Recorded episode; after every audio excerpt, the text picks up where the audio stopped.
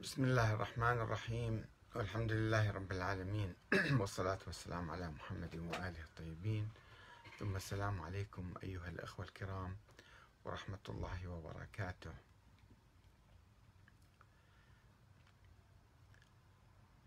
التشيع عبر التاريخ كانت له وجوه عديدة وأشكال مختلفة وليس شكلا واحدا. وربما يتحدد شكل التشيع في كل جيل في كل بلد مع كل مرجع مع كل قائد. آه، في نفس الوقت هناك أنواع مختلفة من التشيع في وقت واحد. فليس كل آه، تشيع هو آه، يعني مشابه للتشيع الآخر ولا هو امتداد للتشيع القديم. كان لدينا في البداية تشيع علوي يوالي أهل البيت ثم تشيع كيساني ثم تشيع آه، زيدي ثم تشيع إمامي ثم تشيع إسماعيلي وتشيع للواقفة وللفطحية وللاثنى عشرية وأيضا في العهد الصفوي كان هناك نوع من التشيع وبعد ذلك كان لدينا أيضا تشيع آخر هو تشيع الثورة الإسلامية في إيران تشيع ولاية الفقيه وتشيع المقاومة في لبنان وأيضا التشيع الديمقراطي في العراق. التشيع الديمقراطي في العراق آه، يعني هو كان قفزة في الحقيقة عن التشيع الإمامي. وثورة يعني ثورة صامتة. هناك ثورات تحدث بصمت. ثورة تناقض مبادئ وأصول التشيع الإمامي لأنها لا تعتمد على أهم فقرات هذا التشيع الإمامي وهي العصمة والنص من الله والسلالة العلوية وإنما تقبل بحكومة أي إنسان ينتخب من الشعب عبر الشورى عبر صناديق الاقتراع. أنا أسميه التشيع الديمقراطي. هذا التشيع كان برعاية المرجع الديني الكبير السيد علي السيستاني. وفي نفس الوقت هذا التشيع الديمقراطي كان فيه أيضا يعني ملامح أخرى غير الديمقراطية. آه، خلال الخمسة عشر سنة الماضية أو ستة عشر سنة راح يصير آه، كان لدى السيد علي السيستاني موقف آه، صامت من الاحتلال. حتى لا أقول مهادن أو متواطئ أو شيء لا سمح الله وإنما نتيجة ما أعرف لماذا تحليلات سياسية أو أو اتفاقات أو أو ماذا أو أو عجز شعور بالعجز لا أعرف لماذا حقيقة. لا أريد أن أحكم على الرجل وإنما شيء ظاهر يعني. عندما وقع الاحتلال قبل الاحتلال أثناء الهجوم أيام صدام السيد السيستاني وبقية المراجع في النجف أصدروا بيانا لمقاومة الاحتلال وجوب مقاومة الاحتلال والدفاع عن الوطن. ولكن بعدما وقع الاحتلال وهرب صدام حسين طبعا والشعب كان أعزل بصورة عامة ما عدا القوات التابعة لصدام اللي كانت هي شوية مسلحة وعندها أموال وعندها تنظيم وعندها كذا. أما عامة الشعب فكان أعزل عن السلاح وغير قادر على المقاومة ومع ذلك قاوم. آه، السيد السيستاني يهتم ببناء البلد يهتم ببناء النظام الديمقراطي دعا إلى إجراء انتخابات دستورية ثم انتخابات رئاسية وبرلمانية. هذا يعني شيء جيد وأيضا هو مما يذكر له في التاريخ حقيقة حافظ على الوحدة الوطنية ولم ينسق وراء دعوات الاقتتال الطائفي التي أطلقها آه، الزرقاوي وبقية فلول النظام السابق. فلول نظام صدام حسين. اللي هم احتضنوا الزرقاوي وهم كانوا واجهتهم هذا يعني. آه، الاحتلال وقع في العراق ولكن السيستاني لم يتكلم عن الاحتلال. لم ينطق ببنت شفا. لم يكن متوقع منه أن يشهر السيف ويهاجم قوات الاحتلال لأنه ما كان عنده ذيك القوة ولا عنده ذاك التنظيم ولا ولكن كان متوقع منه على الأقل أن يقول هذا احتلال غاشم وظالم وباطل ويجب أن يزول بسرعة. حتى يعطي ورقة ليد المفاوض العراقي الوطني أن يفاوض من مركز القوة.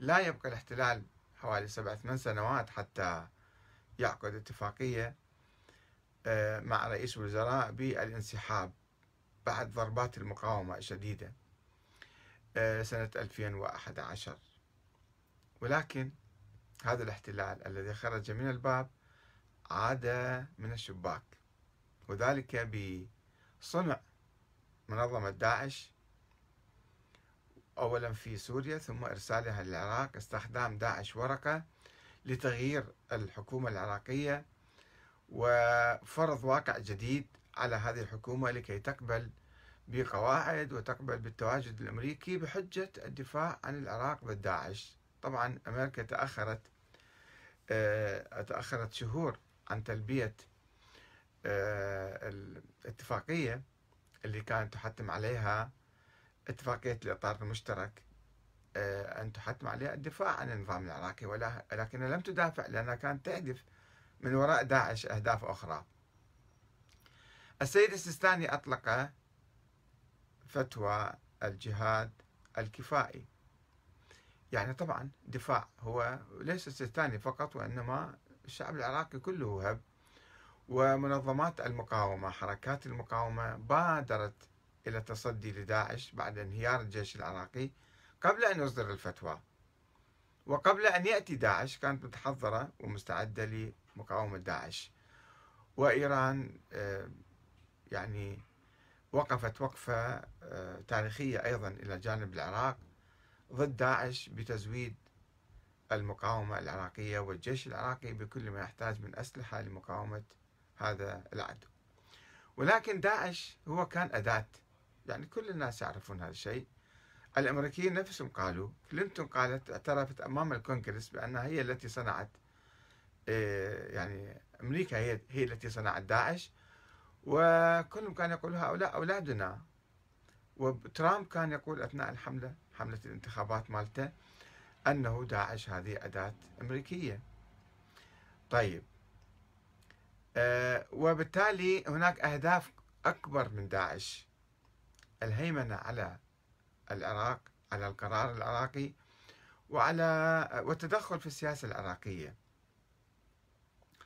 هذا لم يلتفت إليه السيد السيستاني. الحقيقة حتى الآن لم يصرح ضد تواجد.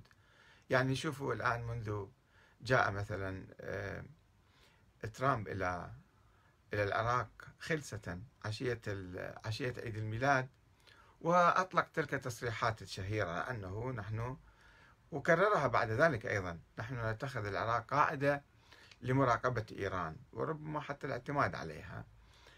آه، و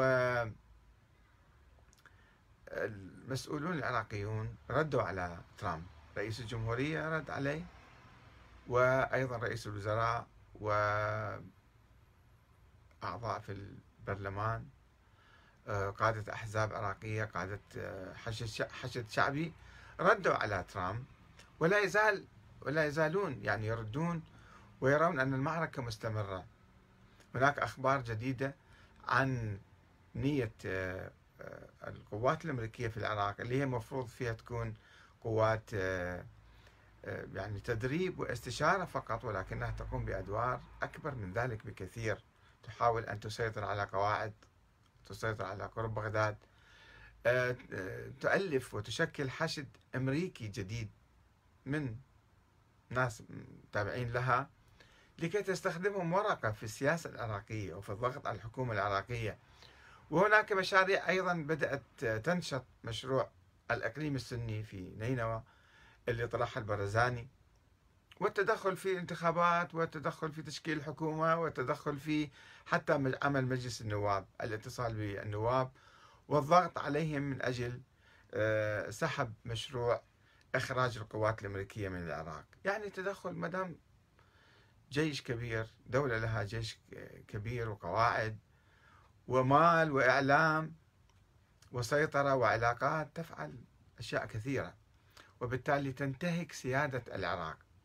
السيد السيستاني استقبل ممثلة الأمم المتحدة آه، في العراق قبل أيام وقال بأننا نرفض يعني استخدام العراق آه، قاعدة لإيذاء دول أخرى.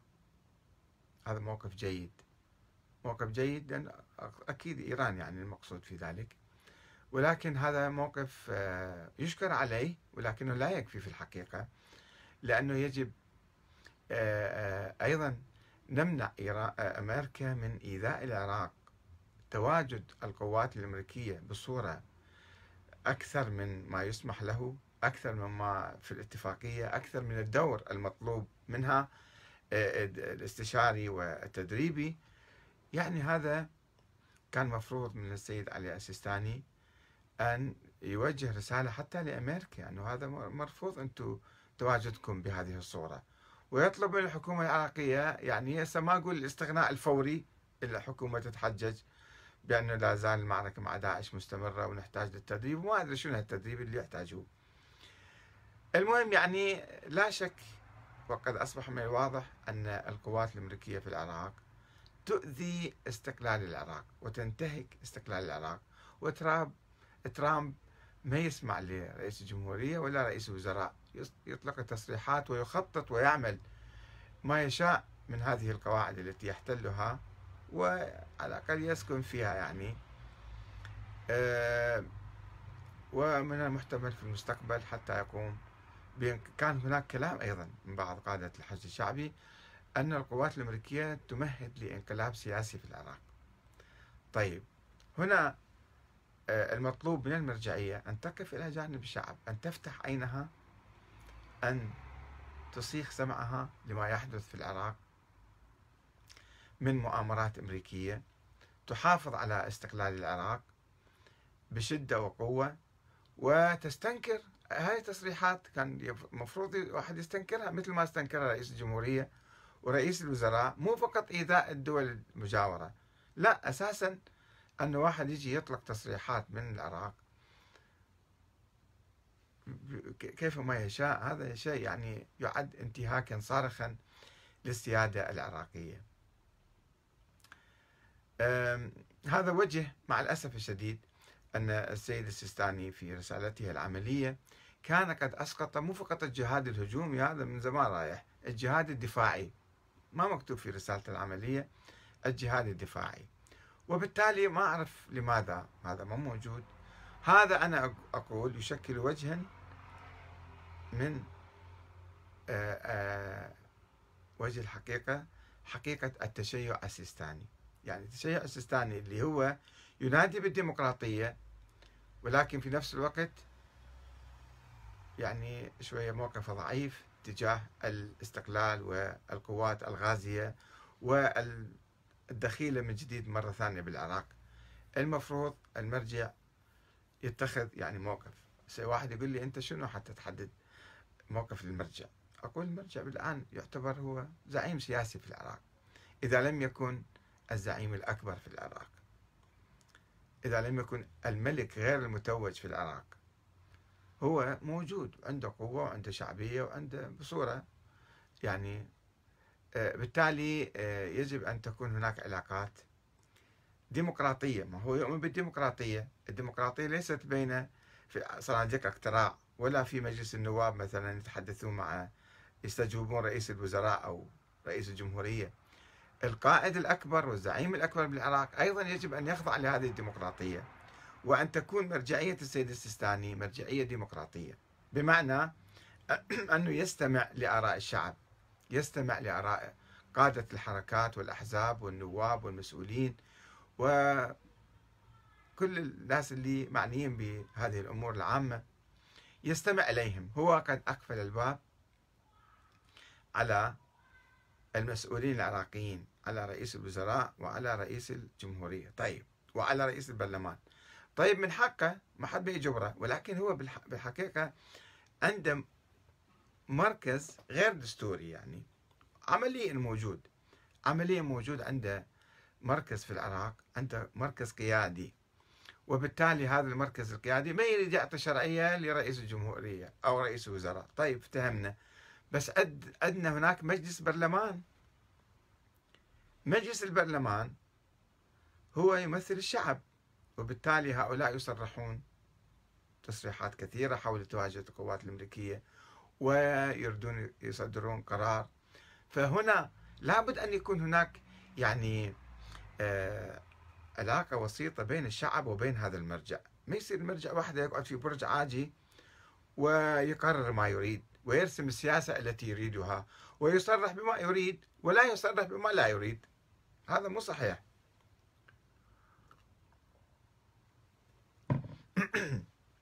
حتى أعضاء ال ال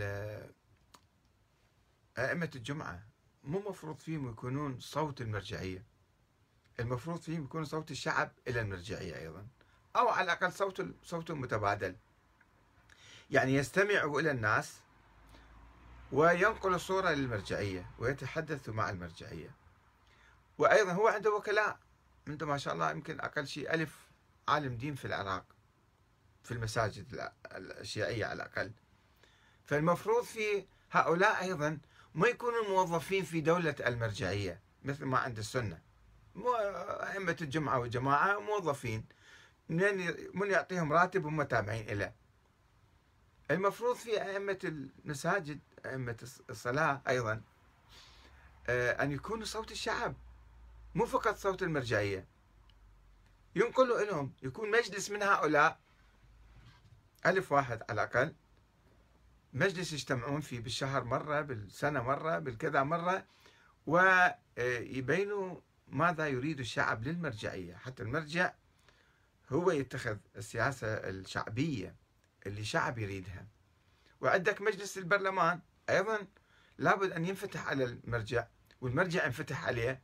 يستمع لهم هؤلاء أبناء الشعب ممثلي الشعب ماذا يريدون؟ لابد تكون علاقة يعني آه علاقة يعني من طرفين مو فقط هو شو وقت ما أراد يصدر فتوى وشو وقت ما أراد ما يصدر فتوى ما يصير الشكل هذه قضية وطنية مو قضية شخصية مو فتوى رأي في طهارة ونجاسة وصلاة وصوم. حتى هو يشوف اللي برأيه يقوله وعلى مقلديه أن يسمعوا كلامه. لا هنا أصبحنا الآن في حالة دستورية ولو غير مكتوبة. يعني بالدستور ما عندنا في شيء اسمه مرجعية ولكن عمليا في الواقع عندنا مرجعية في العراق. هذه المرجعية لازم تاخذ وتعطي ويا الناس. تاخذ وتعطي. يعني مو تستمع. مو فقط ولازم حتى إدارة مكتب المرجعية ما يكون بيد ابن ابن المرجع أو بيد واحد كذا. لازم نعرف إنه شلون الاتصال منو يعطي معلومات منو ما يعطي معلومات منو يدير المكتب ماله. هذا الشيء أيضا لازم الشعب يشرف عليه. يعني. حتى تكون مرجعية ديمقراطية. مو مرجعية فقط يعني فقهية. لا أصبحت يعني جزء من العملية السياسية. كيف نحن نحاسب رئيس الجمهورية؟ نحاسب رئيس آه، الوزراء نحاسب الوزراء المسؤولين. كذلك يجب أن يخضع المرجع إلى محاسبة وإلى تنظيم إلى تنظيم العلاقة وإما مجلس من العلماء آخر يجتمعون ويقدموا صوتهم يقدموا صوت الشعب للمرجع. وبالتالي يرسموا. أو حتى ذول العلماء الموجودين مثلا بالعراق على الأقل مسمون بنقول بالعالم الإسلامي كله آه، يجتمعوا حتى اختيار المرجع القادم أو نائب المرجع الآن. أو شيء يعني تكون علاقة حية ما تكون علاقة ميتة وجامدة. حتى تكون ديمقراطية تماما. مو نسوي ديمقراطية وما نستفيد من عندها ونستغني عنها وما عندنا شغل وياها. ما نسمع رأي الشعب. أهم شيء في الديمقراطية حكم الشعب. الشعب هو الذي يحكم. يعني كل القادة كل المسؤولين كل المراجع حتى المرجع يجب أن يستمع إلى الشعب ويكون هو نائب الشعب مو نائب الإمام المهدي. الإمام المهدي ما موجود. شنو نائب الإمام المهدي ماكو عندنا شيء اسمه نائب الإمام المهدي هاي فرضية. فرضية يفترضها بعض الناس في غابر التاريخ. فمو مو صحيح المرجع يعتبر نفسه هو نائب الإمام المهدي ويعتبر نفسه الحاكم الشرعي المطلق كأنه هو ملك أو كأنه دكتاتور ما يصير هالشكل. هو عالم بالدين مثلا في خدمة الشعب. ولأنه يؤمن بالديمقراطية أنا أكثر أركز كلامي على السيد السيستاني أن يخضع لإرادة الشعب ويستمع لإرادة الشعب ويتفاعل مع الشعب وتكون هناك قنوات اتصال موجودة بينه وبين الشعب عبر العلماء عبر الأحزاب عبر النواب عبر الناس العاديين عبر الصحافة يجون يستقبلهم يتحدث معهم يتحدثون معاه وبالتالي ينقلوا له ما يجري في البلد. ما يصير كأنه عايش في صومعة وما يعرف شو يصير في البلد. ما يدري أكو أمريكان لو ما أكو. وبالتالي الأمريكان إيش يسوون بالبلد؟ أيضا ما يعرف. إن شاء الله ما يعرف. إن كنت لا تدري فتلك مصيبة وإن كنت تدري فالمصيبة أعظم. إن شاء الله ما يدري أنه الأمريكان إيش يسوون بالبلد. وبالتالي لأنهم معلوماتهم ما أدري. ولو يقال أنه يتابع هو يتابع يكتب الصحفيون ويكتب الكذا ما أدري شلون. هكذا نقل. نقل عنه انه هو يتابع فلان ويتابع فلان ماذا يكتب وماذا يقول. طيب إذا كان يتابع ويسمع وكذا فإذا لابد أن يحدد موقف من هذا. هو كمس... كأي مسؤول عراقي الآن؟ رئيس الجمهورية ولا رئيس الوزراء ولا اللي فوقهم؟ المرجع لازم عنده آه، موقف من هذه القضايا. مو فقط إيذاء الجيران. طبعا إيذاء الجيران طبعا حتى إيذاء الجيران هذا موقف ضعيف من السيد السيستاني. علماء السنة في العراق الشيخ الهميم الشيخ الصميدعي والشيخ الملة كلهم أدانوا واستنكروا الحصار على إيران. الحصار الظالم على دولة مسلمة 70 80 مليون إنسان. إحنا لازم آه، آه، نحاصرهم ونمنع عنهم البيع والشراء هالحرب الاقتصادية اللي شأنتها أمريكا. يجب أن كل واحد يعني آه، أن يستنكر هاي الحرب. وكلام السيد السيستاني له وزنه في العالم. ما أعرف هو يدري هالشيء لو ما يعرفه لو ما يدري. فإذا عليه أن مو فقط لأنه ما نقبل القوات الأمريكية تؤذي الجيران لا. يجب أن يتصدى لهذه هذا العدوان الأمريكي الصهيوني السعودي جرائم التفجيرات اللي صارت أيضا.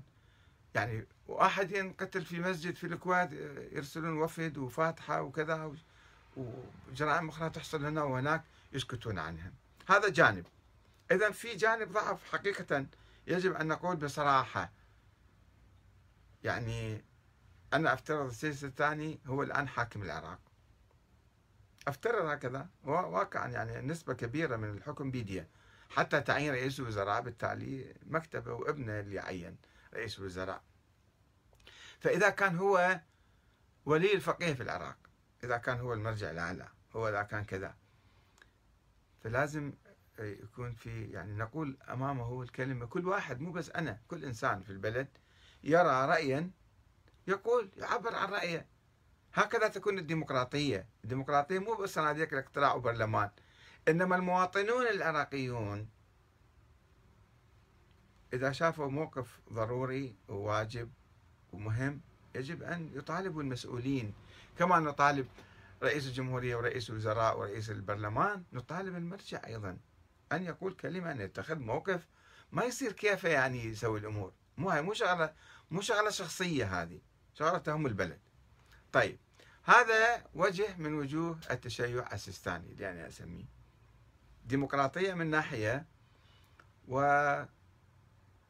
صمت عجز فشل لا أعرف ماذا أعبر عنه. في إزاء التواجد الأمريكي والاحتلال الأمريكي السابق والتواجد الاحتلال المبطن الآن للعودة لاحتلال العراق مرة ثانية. هذا خطر كبير أخطر من داعش. أخطر من داعش لأنه داعش قاوموها وقضوا عليها ولكن هذا جايين حتى يتدخلوا بالسياسة ويرسموا سياسة العراق ويسيطروا على كل شيء. وبكرة وبعد بكرة شوية يسيطرون أكثر تعالوا جيبوا فلوس الأسلحة اللي صرفناها عليكم. مثل ما صدام كان يسوي يقتل واحد ويقول جيبوا فلوس الرصاصة اللي قتلنا بها لأهله. الآن ترامب قالها علنا يعني أنه إحنا صرفنا فلوس على القواعد وعلى الحرب وعلى الكذا تعالوا أعطونا فلوسنا بالمئات المليارات مثل ما سلب السعودية. سلب ما خلى شيء بجيوبهم بعد شيء. يريد يسلب العراق أيضا. يريد كل شيء ياخذ. هاي عقليتهم عقلية إمبريالية تسوي حروب بالعالم. حتى تأخذ الثروات حتى تسيطر حتى تبيع حتى تشتري حتى تهيمن. وتدمر البلد ما عنده مانع. بس من أجل أنه سيطر وخاصة خدمة لإسرائيل. هو قال بصراحة إحنا جايين نراقب إيران خدمة لإسرائيل. بالفم المليان قالها. مو بس يراقب ايران يدمر العراق أيضا خدمة لإسرائيل وتدمير العراق خدمة لمن؟ حتى لا يقوى البلد هذا وينصر المظلومين المحتلين المستضعفين في فلسطين. هذا جانب. نشوف جانب آخر مع الأسف الشديد. من خلال ممثليه في مختلف أنحاء العالم وفي أوروبا خصوصا وهنا وهناك نشوفهم دائما آه، يثيرون قضايا آه، الاحتفال في آه، وفاة السيدة أم البنين. الاحتفال بوفاة السيدة أم البنين هي زوجة الإمام علي. في هولندا في ألمانيا في لندن في ما أدري وين كل مكان. القضية هذه. هسه السيدة الزهراء عليها السلام أيضا آه، تكبير وتضخيم القضية. يعني هي وفاة عادية سووها استشهاد وسووها قتل وكذا سووها مشكلة طائفية ومشكلة يعني يعني توفير أدوات الفتنة للمستقبل شحن الناس شحن الناس والشحن المتبادل يصير بعدين. وهذا آه، يعني ولا أحد يبالي. طيب هذا أنا ما أعتقد أنه بعيد عن سياسة السيد السيستاني الثقافية ومكتبه. طبعا الشيرازي مو يعني بالنص. شيرازي وآخرون أيضا وحيد الخراساني. أكو خط الآن الرأس ماله هو السيد السيستاني ولكنه موجود أيضا. قضية عاشوراء اللي هي قضية حيوية وقضية مهمة وبها محتوى ثوري ضد الظالمين ضد الطغاة ضد الكذا في كربلاء. كل يوم عاشوراء وكل أرض كربلاء يجب أن تفرغ هذه القضية من محتواها. وتجي مسيرات بالملايين يجون إلى كربلاء في الزيارات المختلفة وزيارات الأئمة الآخرين. ولكنها زيارات فارغة. تفرغ من معناها تفرغ من محتواها. ما يصير واحد في هذه المسيرة المليونية يهتف ضد ظالم أو ضد طاغية أو ضد معتدي في حرب أو ضد محتل أو ضد كذا. لا يجب أن تبقى فقط تقليدية يأكلون تم القيمة ويمشون يبكون ويلطمون ويطبرون ويرجعون لبلادهم. طيب منو رسم هاي السياسة؟ آه، في يعني في قضية الحسين. هذه سياسة كشرية يعني تفريغ هذه القضية المهمة وخلق قضايا معاكسة. خلق قضية الزهراء وتضخيمها. أنه جماعة هجموا عليها وكسروا ضلعها وسقطوا جنينها وقتلوها وسووا كذا. وينشحن يبدأ الشحن اللعن والسب والشتم والكذا. وبالتالي يصير ردود فعل ويصير فتن ويصير كذا. والجو كله يصير محقون. الجو كله محقون. وإحنا الله يستر متى تتفجر هذه الفتنة الطائفية. طيب وبعد طوال السنة عندنا وفيات ومواليد وكذا الأئمة 12 إمام 12 وفاة 12 مولود وأئمة آخرين. وبعد الآن عندنا السيدة أم البنين. طيب مو الإمام علي عنده حوالي 18 امرأة كان بين حرة وبين إماء. طيب أم, أم محمد بن حنفية. الحنفية اللي يسموها. طيب هذه أيضا زوجة الإمام علي.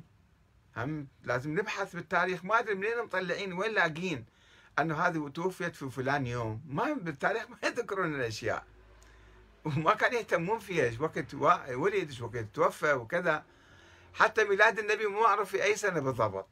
أو ميلاد الزهراء بأي سنة. عمرها إيش قد من تزوجت ماكو إحصائيات دقيقة ولا سجلات نفوذ ذيك الأيام. ولكن يختلقون ويبتدعون في سبيل الله وعلى حب أهل البيت. آه تاريخ ميلاد كل وحدة أمهات الأئمة وحفدتهم وأبنائهم المتعددين. وذاك اليوم في ديالة أيضا في المسجد ما ادري السيد فلان الفلاني مساجد مملوءة العراق مقابر ما أدري من وين سيد فلان الحسني الحسيني الكذا. يعني كل ذولا أيضا كل منطقة لها الحمزة والقاسم والفلان والعباس و... يعني ما يبقى عندنا طول السنة لازم مو كل سنة كل يوم بالسنة إنما لازم نقسم كل يوم إلى ساعات الصبح وبالليل وكذا. هذا تابع للامام وذاك لابن الإمام وحفيد الإمام. فالمشكلة في هاي العقلية إنه تركز على هالأشياء القشرية الأشياء اللي طقسية وأشياء جديدة صايرة. وكأن هي هذا الدين هو هذا التشيع. شوفوا النشر اللي مؤسسات السيد الخوي يسوي. هسه ما أتحدث عن أشياء أخرى في في النشر والخرافات والأساطير والسمك الجري ما عنده ولاية والما أدري الشمس ردت آه، مرتين ولا ستين مرة. وهذني قصص أخرى. ولكن يعني تشيع خرافي طقسي طائفي وعنيف أيضا في ناحية في عنف يعني. و وكأنه ذني الدين اصبح هو هذا والتشيع أصبح هذا. لذا كتبت ليس من الإسلام أن تحتفل بمولد أو وفاة النبي الأكرم. ما ما حط في طقس من طقوس الدين الاحتفال بمولده أو احتفال بوفاته. أو مواليد ووفيات الأئمة. ما عندنا شيء من الدين هذا. فضلا عن الاحتفال بذكرى مواليد أو وفيات زوجات النبي. السيدة خديجة والسيدة عائشة والسيدة فلانة والسيدة حفصة. يوميا مطلعين وحدة أيضا ووفاتها وميلادها وزواجها وتاريخ كذا مالها. يعني شغلة فعلا شيء صرف الناس عن جوهر الدين. وفيات زوجات النبي والأئمة وأولادهم وأحفادهم وأحفاد أحفادهم. دائما نهتم بأشخاصهم. الإسلام ما جاي حتى يقول لنا تعالوا اهتموا بأشخاص لا النبي ولا الآخرين. فإن ذلك يستبدل التركيز على توحيد الله والالتزام بالقيم الإسلامية وعبادة الله. نستبدله بالتركيز على شخص النبي ولادة النبي. وفاة النبي كذا. وعائلته زوجاته وبناته وكذا. وأشخاص آخرين لا يشكلون جزءا من الإسلام. يعني أنت الإيمان بمثلا أم البنين سواء آمنت بها ولا ما آمنت عرفتها ولا ما عرفت. راح يضرك يضر دينك شيء أو يضر تشيعك شيء أو يفيدك بشيء لا يفيد ولا يضر. بالعكس قد يضر لأنه أنت راح تشغل بالك طول وتعتقد أنت قاعد تأدي رسالتك وتأدي دينك عدل مهتم رايحين جايين و... واحتفالات ومباني وسكن وصرف وفلوس وك... على شنو؟ يا ريت بهم بهالاحتفالات يلقون فد كلمة في مقاومة المحتلين والمستبدين والظالمين واللصوص والحرامية ما ينتقدون أي شيء ما عندهم أي رسالة بس نقعد آه، نبكي ونلطم وكذا وناكل تم القيم ونطلع برا. ولا يشكل الإيمان بهؤلاء أو الاحتفال بذكرياتهم واجبا دينيا أو إهمال ذلك عمل محرم إذا إحنا ما سويناه الله يعاقبنا يحاسبنا يقول ليش ما ليش ما اهتميتوا بوفاة أم البنين مثلا؟ أو وفاة الحنفية أو وفاة ما ما الله ما جايب الدين أو جايب أهل البيت. حتى إحنا نقضي عمرنا وقتنا وفكرنا وكذا بهالشغلات هذه. وإنما فقط وسيلة لإلهاء الناس عن التوجه إلى الله والاهتمام بالقضايا الحيوية والمصيرية للأمة كالعدل والحرية والاستقلال والوحدة. هذا قيم ضائعة من عندنا. وهو ما يبدو أبعد ما يكون عن اهتمام وتفكير التشيع السيستاني أو التشيع الشيرازي. هنا بعض الأخوة شوي انزعجوا من هالكلام. بسرعة عندهم هاي السلاح رافعيه الأخ فاضل المسوي هاي فكر سلفي وهابي. وواحد آخر قال لي ها شنو بعد تنكر قضية الحسين؟ لا يا حبيبي أنا ما أنكر قضية الحسين. أنا أقول لك الحسين هو جوهر التشيع. هو جوهر الإسلام. يعني أنت الترجمة الحقيقية للإسلام علي بن أبي طالب والحسين. العدل والثورة على الظالمين. فأنت ما يمكن إحنا احتفالنا بعاشوراء احتفال ميت احتفال مفرغ لأنه طقسي فقط. تم وقيمة ولطم وتطبير وهذا وروح ارجع لبيتك. ما في يعني استذكار أو تفاعل حيوي مع قضية الحسين. أنه في هذه المناسبة نحن آه، ننصر كل المظلومين نقاوم كل الظالمين. ما حد بيرفع اللافتة ممنوع. التشيع السيستاني يمنع ذلك. شيوخ العتبات يمنعون ذلك ويستعينون بالشرطة كما أعلن ذلك. مش سري أقول مش سري أقول أنا. هم ذولا يمنعون أي واحد يعني واحد رفع لافتة اعتقلوه بسرعة. آه الأخ أيضا يقول أعتقد عندك يجوز إقامة حفلات للتقليل من شأنه المقدس. يعني هذا آه، بالحقيقة استهزاء ومو حوار. يعني مال واحد مسؤول أو واحد يحترم نفسه أيضا. يعني إحنا ما قلنا تعال قلل من شأن أحد الله يعطيهم أجرهم. راحوا بالتاريخ. إحنا شو نسوي لهم الآن؟ عندنا قضايا نعيشها. عندنا الإسلام توحيد الله تعالى والعبادات والعقائد والقيم وعندنا التشيع اللي هو روح روح الإسلام. التشيع اللي يبحث عن العدل. مو تقولون انتظار الإمام المهدي الإمام المهدي شو يسوي؟ يملأ الأرض قسطا وعدلا بعد أن تملأ ظلما وجورا. طيب املأوها أنتم الآن. ليش أنتم ساكتين عن الظلم والجور؟ أنتم مشاركين بالظلم والجور تصيرون السكوت عن ال ال الحق أو الساكت عن الحق شيطان أخرس يصير. فليش صار خرسين أمام الظلم الموجود في بلادكم وفي العالم؟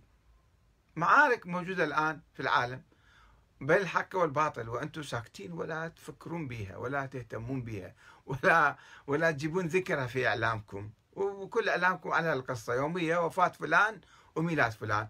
غير التعطيلات وغير المسيرات وغير الصرف اللي يصير وغير الكذا. فالأخ يقول أنت قاعد تقلل. أقول له عزيزي الكريم يا أخ فاضل لا حفلات تقليل ولا حفلات تعظيم. ما يحتاج السوالف الشخصية على الأشخاص. إنما سير على خطى أهل البيت. في مقاومة الظلم والطغيان والاحتلال والاستعمار والسرقة والنهب والاستبداد وإقامة الحق والعدل وتحرير البلاد والعباد. هذا المطلوب من عندنا. هذا اللي لازم نسويه إحنا. هذا هو روح الإسلام والهدف من الإسلام. إحنا ناسي ومكشمرين نفسنا بهالشغلات هذه.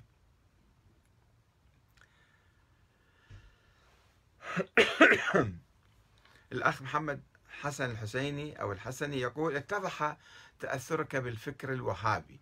من أول كلمة لك فحين تقول ليس من الإسلام الاحتفال فهل يعني أنه من اليهودية أو النصرانية أو ديانة أخرى؟ ضبط الألفاظ أو ضبط الألفاظ واحتراز المعاني دليل على صفاوة عقل الشخص ونقاء طرحه.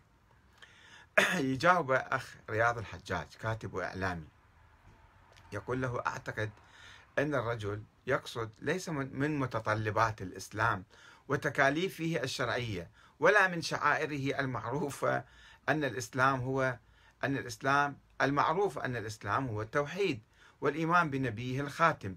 وكتب الله وأنبيائه واليوم الآخر وشعائر الإسلام هي الصلاة والصوم وغيرها من الواجبات. لماذا لا نفهم الأمر هكذا؟ بدل أن نتهم كاتب هذه السطور بتهم غير واقعية. إن التكليف الشرعي واضح وإن هذه الاحتفالات تأتي من باب الموروث الشعبي أو المذهبي. للاستحباب هم مسويها مستحبات وهي لا تعد من ضمن التكاليف الدينية الواجبة فيجب أن نركز على ما كلفنا به. وهاي تدخل في خانة البدعة لأنه إذا اعتقدت في عمل ليس من الدين واعتقدت هذا من الدين ما يصير بدعة صار دين جديد عندك. فلازم بالحقيقة يعني شوف يعني كلامي واضح بس واحد يريد يعوج الكلام أو يفهمه كما يشاء يفهمه كما يشاء. والاتهامات أن هذا وهابي وسلفي. يا أخي تعرف الوهابية شنو أنت؟ حتى تقول هذا وهابي وذاك مو وهابي. يعني أي واحد انتقد ظاهرة سلبية أو بدعة حديثة أو خطأ أو انحراف صار وهابي يعني ما أنا أول ناس أكثر من, من عندك ومن آخرين كاتب ضد الوهابية و... وأنتقد الوهابية آه الشيخ أسامة الساعدي يقول مساواة السيد السيستاني بمن ذكرت يعني الشيرازي يقصد فيه إجحاف كبير. وقد صام رسول الله يوم الاثنين وقال ذلك يوم ولدت فيه فاحتفل بيوم ولادته أو احتفل هو بيوم ولادته بطريقته كما ورد في تفسير قوله تعالى وذكرهم بأيام الله. إن أيام الله هي المناسبات التي تذكر الناس بالإيمان والدين. ولا شك أن إحياء ذكر أهل البيت هو من أيام الله. آه، في هذا المنشور أراك متأثرا بالفكر السلفي. هسه واحد إنسان عادي يتهم أن سلفي ولا وهابي يعني نبلعها. بس الأخ الشيخ أسامة بن الساعدي يجي يتكلم هالكلام شوية مو متوقع من عنده بالحقيقة. وأولا شفت طريقة التفكير الشيخ أسامة الساعدي. آه، أولا هذا الحديث جاء ذلك يوم ولدت فيه منين جبته ما أدري. لا ذكرت مصدره لا ذكرت الراوي ماله لا ذكرت كذا أنه النبي قال. ثم إذا قال النبي ذلك يعني هو صام لأنه يوم مولده وأخذ في احتفال بيوم المولد. افترض يعني. وبعدين آه كما ورد في تفسير قوله تعالى وذكرهم بأيام الله. منو ورد؟ منو قال؟ هذا صار نوع من الأخبارية الحشوية تصير مو من التدقيق العلمي. وذكرهم بأيام الله. أيام الله هي المناسبات. شلون صار الله أيام الله المناسبات أيام الله الحج مثلا الصلاة العبادات ال الأشياء اللي وضعها الله سبحانه وتعالى. مو كل يوم واحد مولود بالمستقبل يجي واحد يولد ويموت وكذا وإحنا دائما لازم نحتفل بمواليد هؤلاء ووفياتهم. هاي شغلة ما تنتهي ما لها علاقة بالدين. الدين خلص زمن النبي محمد. اليوم أكملت لكم دينكم وأتممت عليكم نعمتي ورضيت لكم الإسلام دينا. خو مو يوميا ندخل في الشيء هذا من أيام الله وهذا من أيام الله. وعندنا الآن فقط مو بس الأئمة الآخرين علماء اللي ماتوا واستشهدوا. شوفوا مقابرهم شوفوا كذا إيش كبراتها. هم نسوي هم أيام الله تعالوا زيارات لهم وحاطين زيارة يقروها ونذورات تصير وشغلات مثل حمزه والقاسم وغيرهم وغيرهم. يعني هذه شغلات فعلا دخيلة بالدين وبدع. فشلون انت ربطت هذه أيام الله يعني وفيات ذكريات وفيات؟ منين جبتها يا شيخ أسامة؟ آه التي تذكر الناس بالإيمان والدين. وإنت إحنا ناسين جوهر الدين ناسين روح التشيع ناسين رسالة الحسين. وماخذين شغلات أم البنين وأم العباس وأم الحسين و... يعني هذه ما تنتهي شغلة. ولا شك الشيخ أسامة الساعدي يقول ولا شك إن إحياء ذكر أهل البيت هو من أيام الله. من هم أهل البيت؟ وشلون صار إحياء ذكرهم؟ الله يريد من عندنا أن نحيي ذكرهم. ولا شك أن إحياء ذكر أهل البيت هو من أيام الله. إحنا إذا هم عندهم خط وعندهم هدف وعندهم سيرة ومسيرة بالحياة نسير على خطاهم إذا كنا مؤمنين فيهم. مو بالضرورة نجيب أسمائهم أنت من تخرج ضد الظالمين أنت صرت على خط الحسين. حتى لو ما جبت اسم الحسين. أنت لما تطالب بالعدل وتطبق العدل أنت صرت على خط الإمام علي. حتى لو ما جبت اسم الإمام علي. والإمام علي ما يريد من عندك تجيب اسمه يريد من عندك تمشي على خطه. على أي حال هذا أيضا الشيخ هذا نشكره على هذا الكلام. أه نشوف العبارة اللي كان ناشريها. حسينية أهل البيت هذا في موقع تابع للسيد السيستاني اسمه صوت الجالية العراقية. يدير آه، صهره هنا السيد مرتضى الكشميري. يقول حسينية أهل البيت في ألمانيا. تحيي ذكرى وفاة أم البنين. تحيي وفاة تحيي ذكرى ثم شنو هي؟ صار مظلومة مقتولة شهيدة. امرأة صالحة الله يعطيها أجر وثواب. تزوج الإمام علي وتوفت. وأنتجت أبناء طيبين خيرين مجاهدين مناضلين. يعني مو لازم أنا أجي أقعد أسوي حفلة بمناسبة وفاتها. التي توفيت قبل 1400 سنة في الحجاز. تعال أنت بألمانيا سوي فاتحة. وهذا يذكرني قصة دائما تتكرر في الحقيقة بأمريكا وهنا بألمانيا وبريطانيا. أنه جماعة كانوا يقعدون في قبل ما ياخذون حسينيات في الثمانينات يبدو في السبعينات. ياخذون بشققهم ويجيبون خطيب ويقرأ مجلس عزاء حسيني. فيبكون.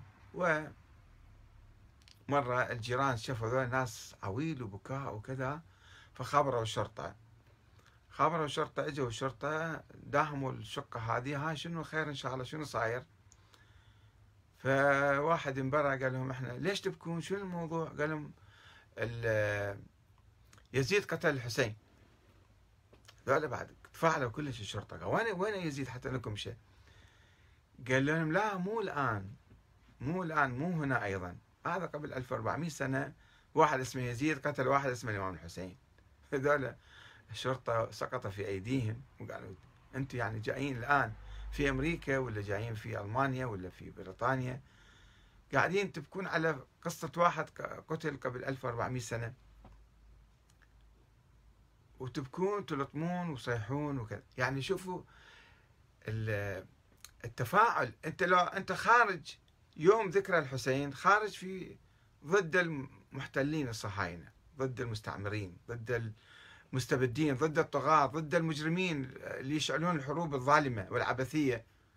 أنت تتخذ موقف حيوي موقف إسلامي وموقف شيعي موقف حسيني موقف علوي. بس أنت تهرب من كل هالقضايا وتتمسك فقط بالطقوس وتتمسك فقط بالقشور. فشنو أسميك أنا؟ عندك في طبعة خاصة من التشيع. طبعا ليس كل الشيعة الآن في العالم هم كذلك إنما هذا التيار أو هذا الجناح أو هذا الخط اللي هو أسميه أن التشيع